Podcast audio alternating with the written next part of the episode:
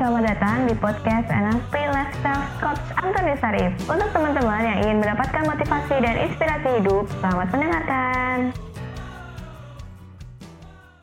Halo teman-teman, apa kabar semua? Ketemu lagi bersama saya dengan Coach Antonius Arif dalam Panduan Hidup dengan NLP. Nah, topik kali ini kita akan membahas mengenai science of thinking, bagaimana cara kerja otak. Nah, saya nggak sendiri, hari ini saya bersama dengan uh, sahabat saya. Beliau adalah seorang praktisi, dia udah master NLP dan juga seorang praktisi di sebuah perbankan dan beliau sangat suka sekali berkaitan dengan tentang pola pikir dan cara pikir. Nah,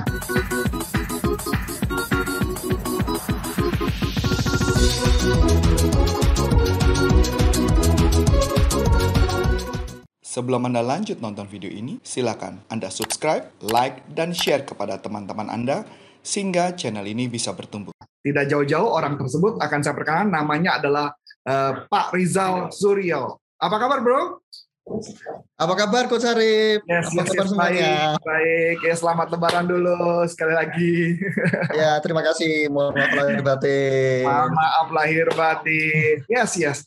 So, thank you bro atas waktunya walaupun kita waktunya mepet, semoga eh, teman-teman nanti akan dapat banyak manfaat dari pembelajaran ini gitu ya. Nah, bro, boleh cerita sedikit, bro. Kan eh, boleh cerita sedikit eh, apa pekerjaan lu sekarang? Gua tahu lu di perbankan, bro. Nah, boleh ceritakan sedikit pekerjaannya di bidang apa, di bagian apa sekarang, bro? Oh, baik.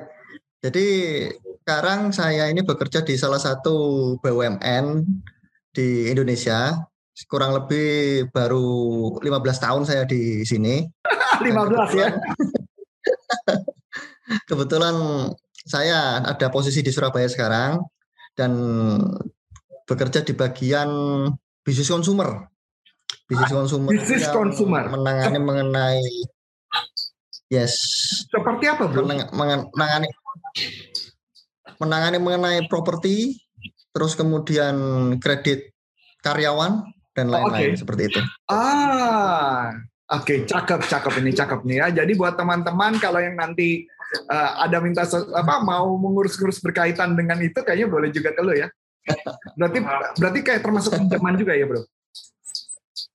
Pinjaman ya, pinjaman betul. Pinjaman. Oke, kalau gitu. Nah, nah kita mau bicara sedikit mengenai science of thinking, bro. Boleh dikupas sedikit, bro. Apa sih maksudnya science of thinking ini, bro? Jadi gini, untuk teman-teman ya, science of thinking. Jadi kadang-kadang itu kita itu pernah dari kecil dulu itu dikatakan, ayo dong, kamu itu sekolah itu, mbok ini PR-nya dikerjakan, mikir dong. Tapi setelah kita disuruh mikir, problemnya itu kita nggak diajari. Caranya mikir itu loh gimana. Betul, betul, betul. Nah, terus bahwa kita nggak diajari caranya mikir, tapi disuruh mikir. Nah, jadi mikirnya mikirnya ngawur. Seperti itulah. Kurang lebih apa namanya latar belakangnya. Mana eh, dalam eh, topik kita singkat ini adalah bagaimana caranya supaya kalau mikir itu mikirnya jadi nggak ngawur gitu ya bukan cuma ayo mikir apa yang dipikirin betul ya kayak gitu ya Betul, betul. Jadi apa yang dipikirkan, bagaimana cara kita berpikir, terus prosesnya itu sebenarnya ketika kita mikir itu apa tuh yang terjadi. Apa ya, kayak cuma tiba-tiba muncul begitu saja, membuat keputusan atau seperti apa, atau ternyata harus melalui sebuah proses yang sangat panjang dan rumit. Nah, seperti itu, Coach.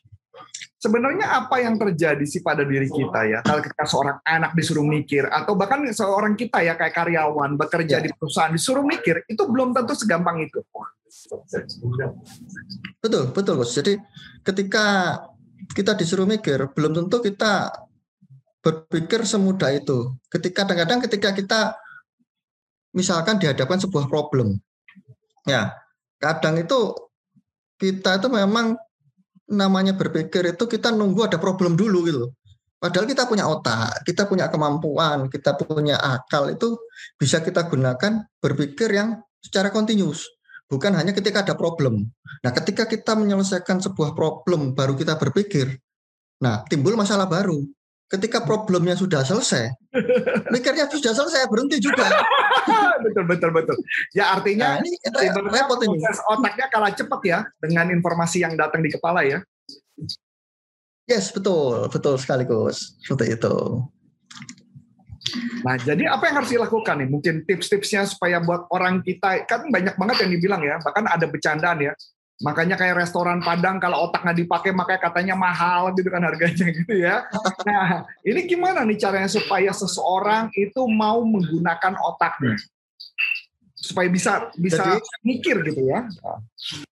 Nah, jadi memang kalau misalkan kita bagaimana kita mengoptim- mengoptimalkan apa yang kita miliki, otak atau pikiran yang kita miliki, maka pertama kali itu biasanya lah biasanya kita harus paham dulu berpikir itu apa sih? Berpikir apa sih? Nah, dari beberapa ahli itu ada yang mengatakan bahwa berpikir itu adalah proses untuk mengeluarkan kreativitas Masuk akal. untuk menyelesaikan sesuatu hal yang kita hadapi. Ada juga yang bilang bahwa berpikir itu adalah sebuah proses untuk kita memprogram sesuatu. Apabila hal tersebut diulang-ulang-ulang-ulang terus sehingga menyebabkan sebuah behavior atau kebiasaan. Nah, setelah kita tahu bahwa, definisinya seperti itu, dan kalau boleh saya rangkum itu berarti bahwa berpikir itu mengeluarkan kreativitas yang kemudian kreativitas itu bisa kita program menjadi sebuah kebiasaan yang terus-menerus kita keluarkan sehingga ketika kita menghadapi sebuah masalah kita sudah nggak perlu mikir lagi karena itu sudah sudah sudah sudah menjadi kebiasaan. Contoh misalkan, ya dulu waktu kita kecil kita nggak tahu kalau api itu panas. Setuju. Ya. Terus kemudian kita pegang aja tuh si api waktu kita kecil, anak kita kecil dipegang. Oh ternyata panas. Akhirnya kita punya experience nih, punya experience bahwa api itu panas. Sehingga apa pun ada api, kita mesti tahan dulu panas. Nah, tapi kalau kita nggak mikir ya sudah selesai sampai di situ. Masuk Tapi kalau kita berpikir lebih lanjut bahwa oh ternyata api panas itu manfaatnya banyak banget. Kan tergantung dari besarnya, besar kecilnya api, terus digunakan untuk apa, posisinya di mana, dan harus digunakan di kondisi yang seperti apa. Nah, seperti itu Gus maksud saya. Jadi kita menggunakan segala panca indera kita supaya sebuah informasi lebih mudah kita serap di dalam kepala kita dan ketika satu buah pemaknaan eh, terhadap api tadi jangan hanya diambil dari api saja tapi diberikan pemaknaan-pemaknaan tambahan gitu ya. Jadi ditemukan jadi ada sainsnya di sananya. Betul begitu ya? Yes, betul sekali Coach. Nah, sehingga ketika muncul hal seperti itu, kita tidak hanya melihat dari sisi satu sisi saja, tapi kita melihat dari beberapa sisi, maka kita akan bisa tumbuh dan berkembang. Tingkat kebijaksanaan kita akan bisa lebih tinggi lagi. Jadi proses berpikir tidak hanya berhenti pada satu objek saja, tapi bisa terus maju dan terus maju.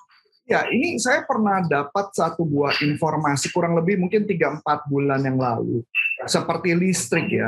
Listrik itu katanya, ini saya nggak tahu ya benar atau salah, nanti teman-teman yang nonton ini juga bisa mengatakan benar atau enggak. Ya. Listrik itu katanya kalau misalkan kayak listrik itu kena di air, kalau kena di air kan otomatis airnya menjadi kena listrik ya, jadi bertegangan listrik itu.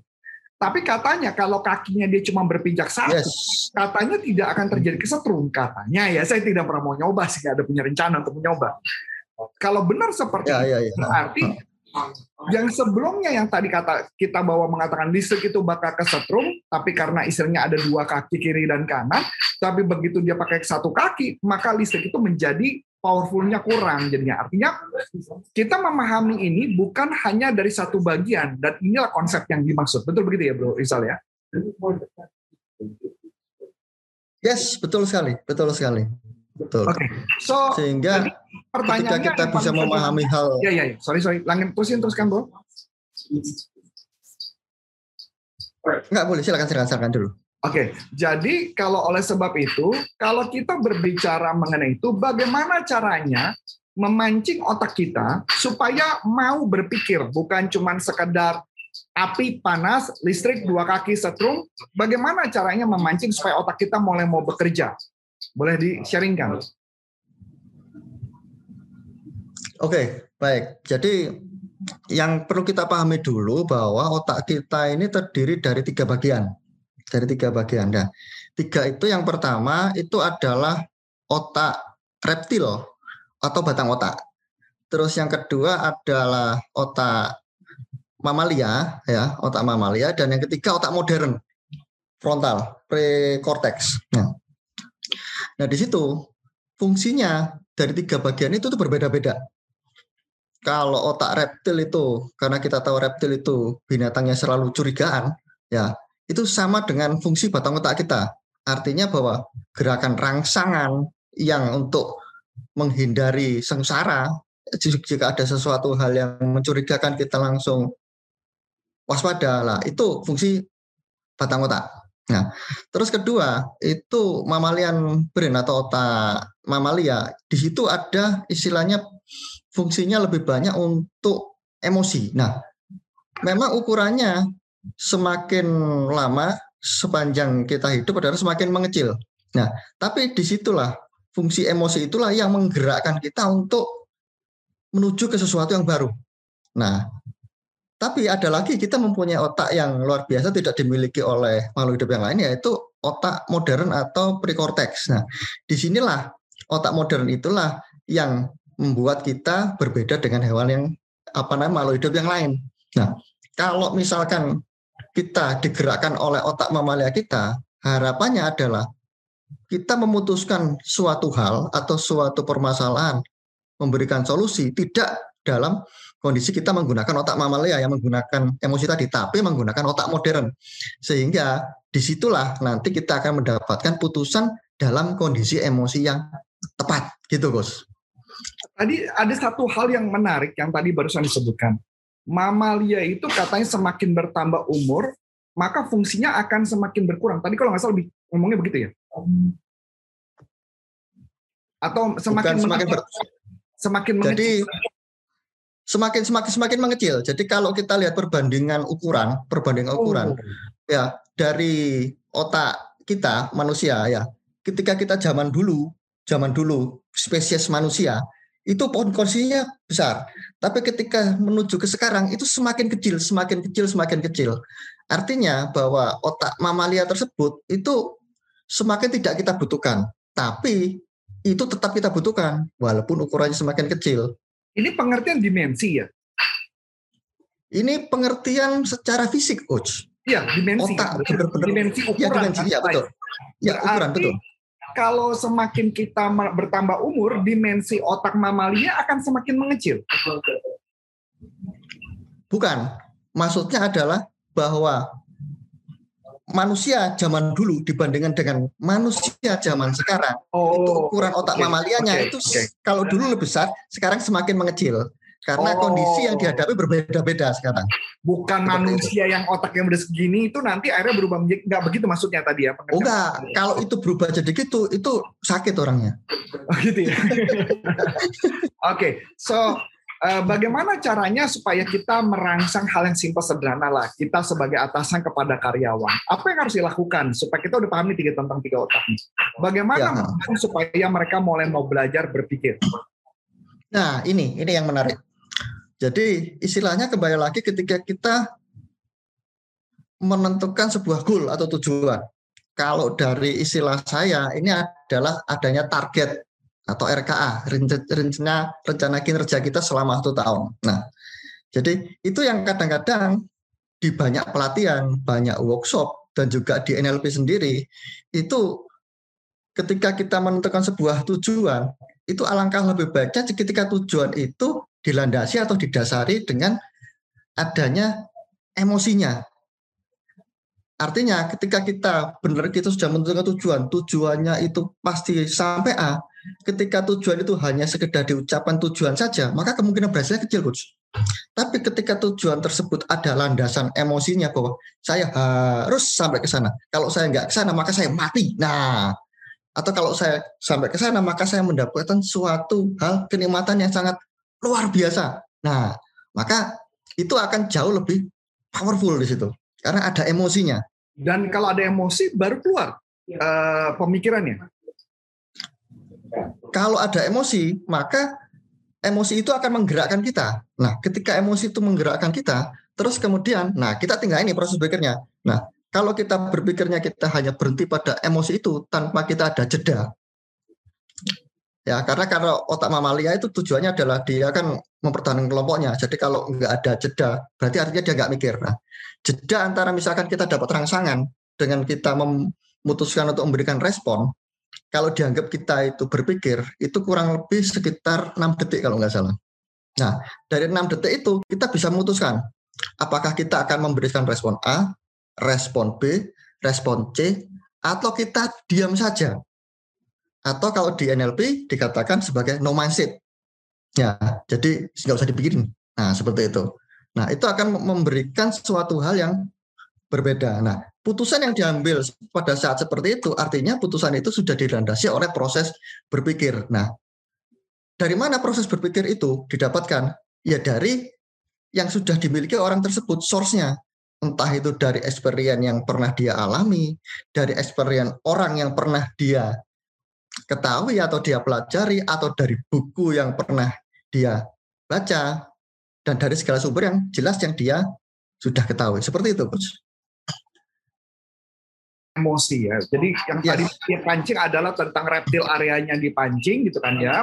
Terus kemudian emosionalnya dipancing supaya menggerakkan manusia untuk motion. Tapi proses yes. berpikirnya tadi kan seperti hmm. saya ambil contoh yang sederhana. Ya. Banyak orang kalau misalnya, yuk apa pendapat Anda? Mereka tuh pasti blank tuh mereka blank, mereka lama. Itu kan yang tadi di awal sempat diucapkan oleh Bro Rizal ya, bahwa ketika ya, disuruh mulai mikir, dia nggak muncul. Waktu munculnya di ya. belakang, ya. eh udah selesai, gitu kan yang terjadi kan. nah, boleh kasih tips gimana nih? Nah, jadi gini.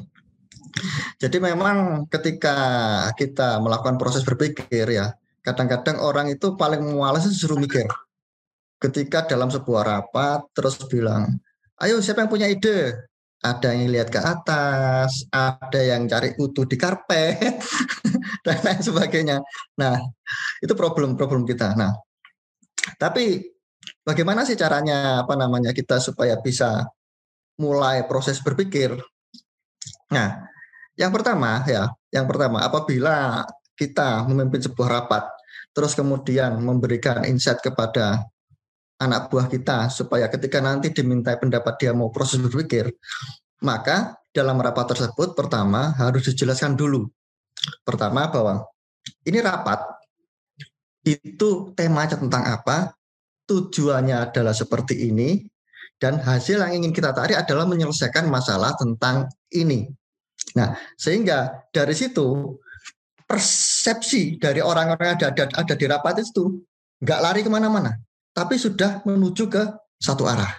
Nah, ketika dia sudah menuju ke satu arah tersebut, maka harapannya adalah ketika mereka dimintai sebuah ide, maka mereka akan lebih sudah mengerucut ke ide tersebut, nggak lari ke mana-mana pikirannya.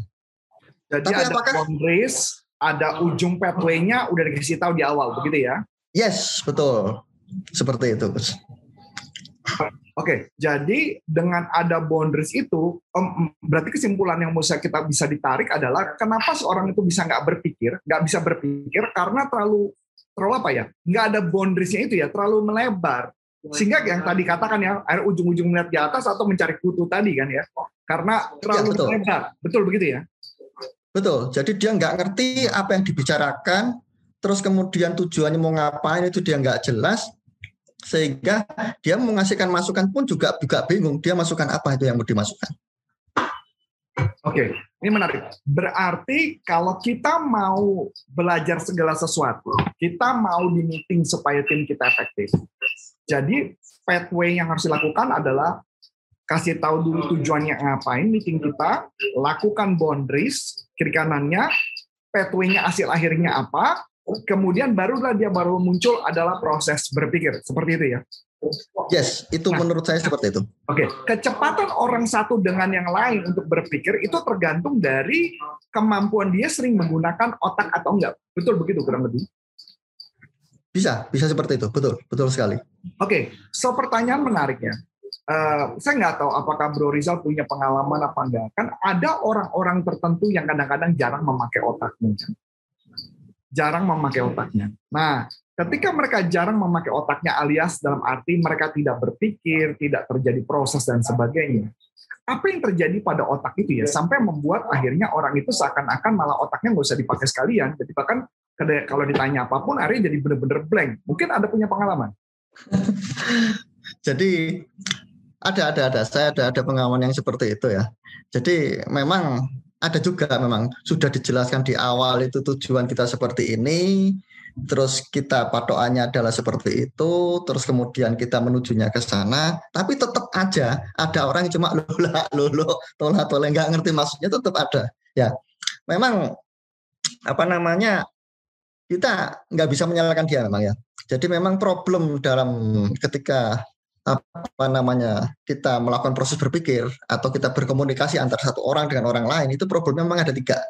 Ya tiga itu yang pertama adalah generalisasi distorsi sama delesi.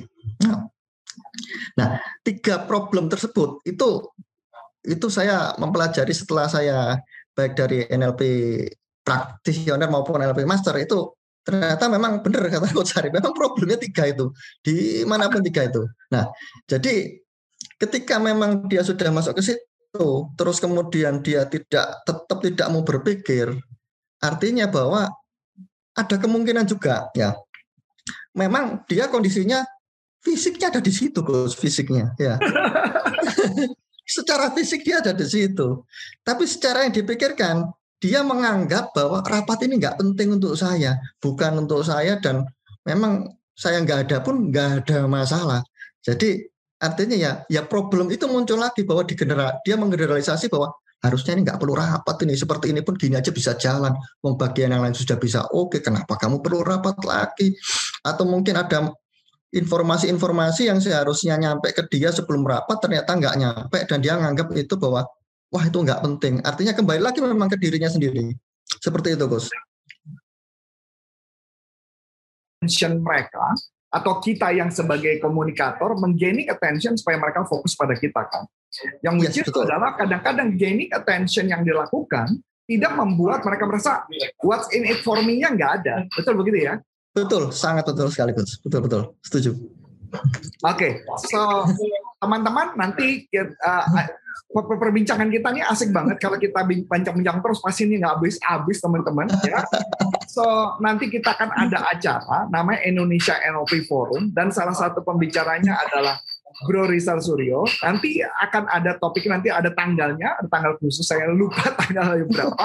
Nanti uh, Bro Rizal Suryo akan membicarakan mengenai the science of thinking, bagaimana cara yes. menggunakan otak secara full capacity dengan teknik-teknik yes. NLP dan ilmu terapan lainnya, psikologi terapan lainnya, supaya membuat hidup kita lebih baik. Jangan sampai nanti kita meeting apa tadi istilahnya lala lolo lah ya gitu ya. Lolo tola tole nyari kutu di karpet. nyari kutu di karpet hitungin jumlahnya berapa dan sebagainya. So thank you bro atas uh, topik yang hari ini. Ini ada topik yang luar biasa. Semoga topik ini bisa membuat orang terangsang untuk berpikir kalau mama kita atasan kepada bawahan, kita harus bikin boundary dan sebagainya. Thank you bro. Terima kasih dan sukses buat Bro Rizal. Sampai jumpa di acara nanti dan salam performan. Bye-bye teman-teman. Nah, untuk teman-teman yang sudah menerangkan, terima kasih ya dan nantikan podcast selanjutnya.